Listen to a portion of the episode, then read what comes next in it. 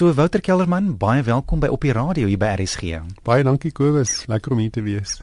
Wouter, jy het al op 10 begin fluit speel, maar as mens nou dink aan instrumentale musiek of fluitmusiek, dis dikwels 'n assosiasie van huispak musiek of daai ja. jy weet musiek wat ag in die agtergrond speel by 'n ja. uh, restaurant of wat ook al. So ja. wat het jou inspireer om amper sal ek maar sê instrumentale fluitmusiek na 'n ander vlak te neem? Wel, ek het nog altyd gevoel dat die fluit is baie naby aan die stem want mense gebruik jou asem en ehm um, dis ook die wêreld se oudste instrument en dit is dit al dit spreek na jou hart toe en ehm um, ehm um, ek het dit altyd uh, verskillend ervaar en het nooit dan gedink as huisbakke musiek. Uh, ek hou veral daarvan om om ekspressief te wees op die fluit en hoe en hoe ek voel uit uit te druk op die fluit en ehm um, ek ek wil graag hê mense moet die moet die asem kan hoor en kan hoor hoe ek voel en so dis ek probeer maar my passie uit te druk in die, in die in die fluitspel. So die, en en passievolle spel is eintlik maar die teenoorgestelde van huisbak musiek. Mm.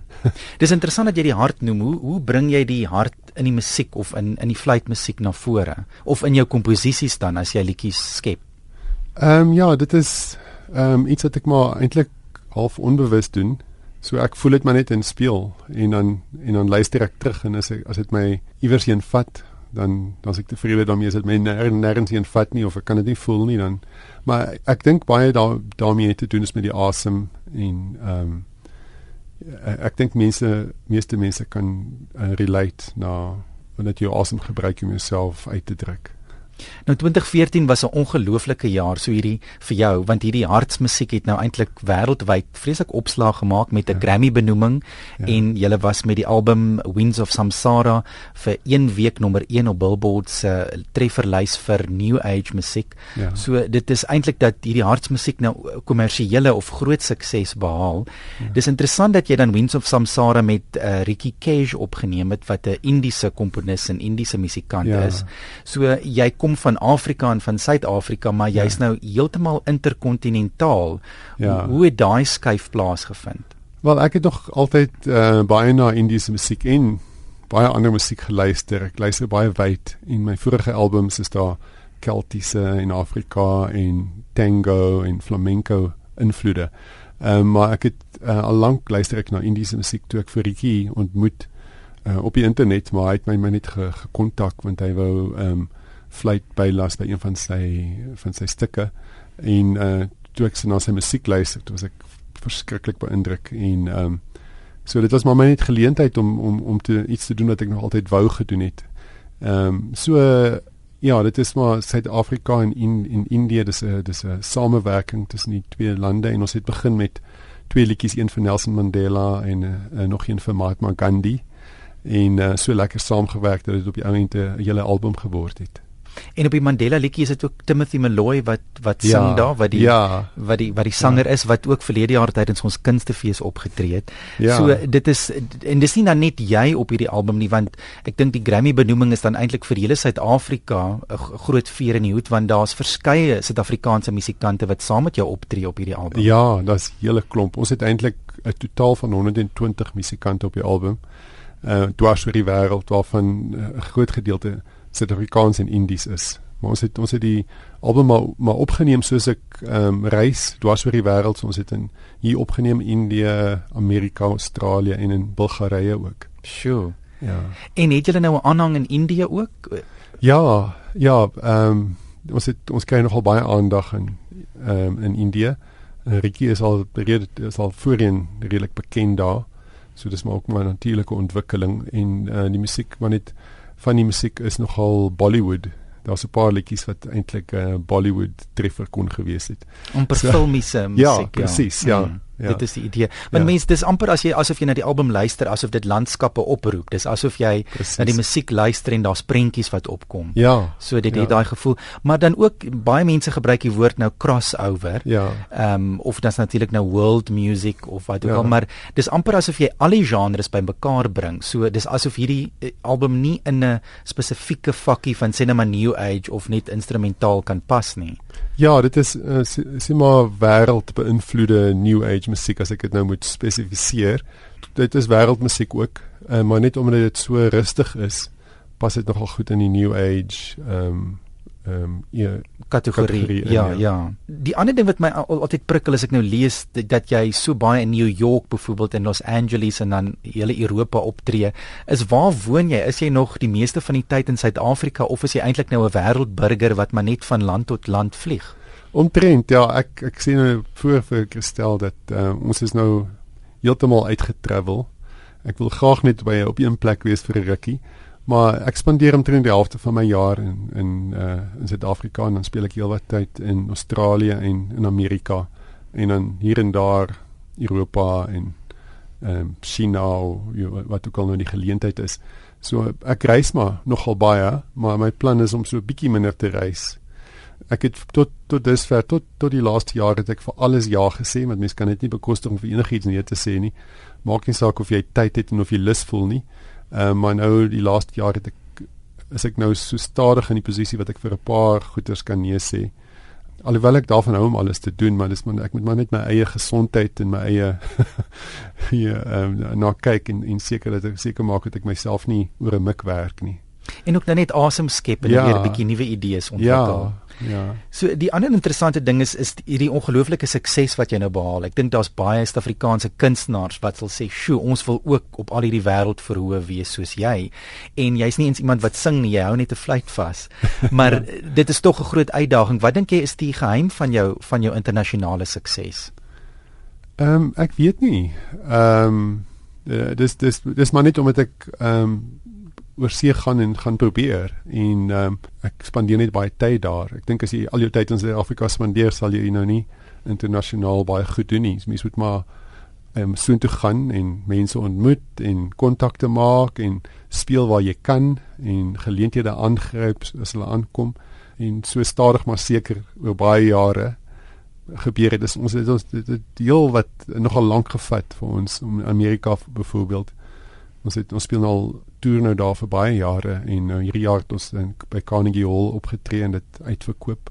So dit was 'n baie groot hoogtepunt vir ons en hulle het nou volgende jaar ons weer terug hierdie jaar nou ek is nog, nog steeds besig om te praat van laas jaar en ja. hierdie jaar. Ons het laas jaar daar opgetree en hierdie jaar het ons ehm um, weer uitgenooi om weer daar te kom optree. So dit is baie opwindend. Dis ongelooflik. En dan ook samewerking, ek dink is die ander ding, die feit dat jy ja. met soveel verskeie musikante saamwerk en dan die ander vloede invloede inbring. Ja. So is dit iets wat jy op die die hele tyd op die uitkyk voor is in 'n nuwe invloede of ander klanke of musikante om in te bring op jou albums? Dis maar is 'n baie natuurlike proses vir my want ek luister altyd baie wyd en ehm um, ek hou daarvan om met mense saam te werk. So dit is maar net iets wat outomaties gebeur omdat ek inherënt 'n skierige persoon is. so uh, ek dink dis een van die gevolge daarvan. Ehm um, so en ek is ook ehm um, ek hou van mense en ek geniet hmm. daarvan. Ek geniet dit om met mense saam te werk. So dit is 'n baie natuurlike proses. En dan nuwe klanke en ander klanke van ander wêrelddele sal jou dan inspireer. Ja, ja, so so draak iets hoor wat my wat my aanraak, dan ehm um, soek ek altyd na 'n manier om dit self ehm um, op my fluit uit te druk. En glo jy ook in gehalte want ek dink jou musiekvideo's is nogal sprekend van van regte gehalte. Jy spandeer ja. baie geld om ongelooflike kleurvolle en ja. goeie musiekvideo's te maak. So ja. dink jy dit is ook deel van die van die sukses? Ja, absoluut. Die gehalte die eerste ding is om die die series moet absoluut topgehalte wees en ek spandeer verskriklik baie tyd, energie en geld ook, soveel as ek kan bekostig om um, om 'n goeie album te maak want daar daar word so baie um, albums vrygestel dat 'n mens um, kan baie maklik net verdwyn in die geraas. So mens moet regtig waar iets spesiaals doen. Ehm um, en dit is dis baie beter om iets spesiaals elke paar jaar te doen as om elke jaar 'n gemiddelde album uit te bring. Hmm. En is ook die serie boekie van Winds of Samsara het, ja. het pragtige ehm um, amper storieetjies en beskrywings by wat 'n mens soveel meer gee as dan net die musiek. Ja, ons het ons het spesifiek daarop gekonsentreer om om seker te maak dat die dat die kunswerk en die musiekvideo's en alles dra by tot die totale ondervinding van van iemand wat die serie aankoop. Nou, wat is die volgende groot projek op album? Ja, ek het al uh, die volgende album se naam is Love Language en ehm um, dit gaan wees ehm um, hoe verskillende gedeelde gedeeltes van die wêreld hulle hulle liefde in musiek ehm um, uitdruk. So ehm um, ek is al klaar omtrent 70% klaar met daai album. Ek werk baie lank vooruit want dit vat my 2 tot 3 jaar om 'n om 'n album te doen. So ek is nou al besig om te begin werk aan die album wat oor so 3 jaar gaan uitkom. So dit ek moet dit maar so doen anders hmm. gaan ek uh, mal word met ek ek vind dit baie moeilik om 'n swak produk. Ek kan net nie uh, dit laat gaan nie. Hmm. En uh, en dan gewoonlik wat gebeur is ek slaap nie vir maande nie en word so 'n bietjie malerig in die proses. so ek probeer dit verhoed deur dit lank vooruit te werk. werk ja. ja. Dink jy dat musiek wonde kan genees, mense gesond maak? Ja, ehm um, definitief. Ek het net gister 'n uh, e-mail gekry van iemand wat sê hulle is nou al 22 jaar sober, maar sy broer is dood die, die laaste jaar en sy twee broers dood in die laaste jaar en as dit nie was vir vir die musiek nie, dan sou hy weer 'n alkolikus geword het dink hy en hy toe dankie gesê vir die vir vir die musiek en dit dit is vir daai oomblikke wat 'n mens die musiek maak. Ek ek dink musiek kan absoluut wonde genees en en dis goeie energie wat ons probeer versprei. Dit is eintlik maar wat ons probeer doen. Ek het die volgende stuk geskryf vir Nelson Mandela. Ek probeer sy lewe beskryf deur die kleure van die fluit. Die eerste gedeelte beskryf sy kindertyd uh waar hy baie rustig was en baie tyd in in die natuur gespandeer het. En die tweede gedeelte is meer besig waar hy na die uh, stad toe verskuif. Ehm um, en dan die derde gedeelte is hy weer rustig en spandeer tyd saam met sy familie.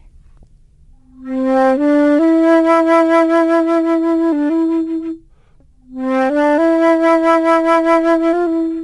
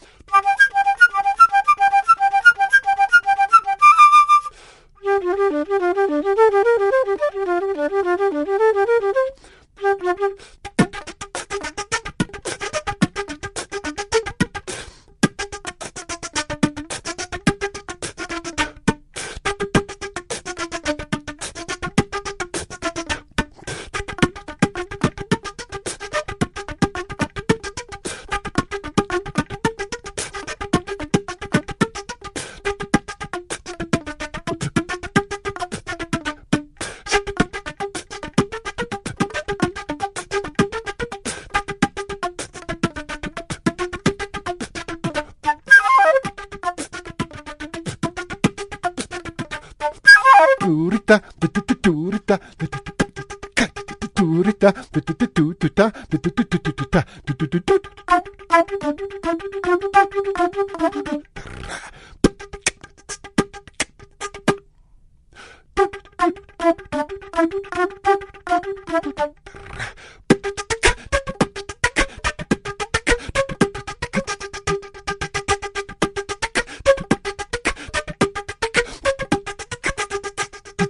Turita,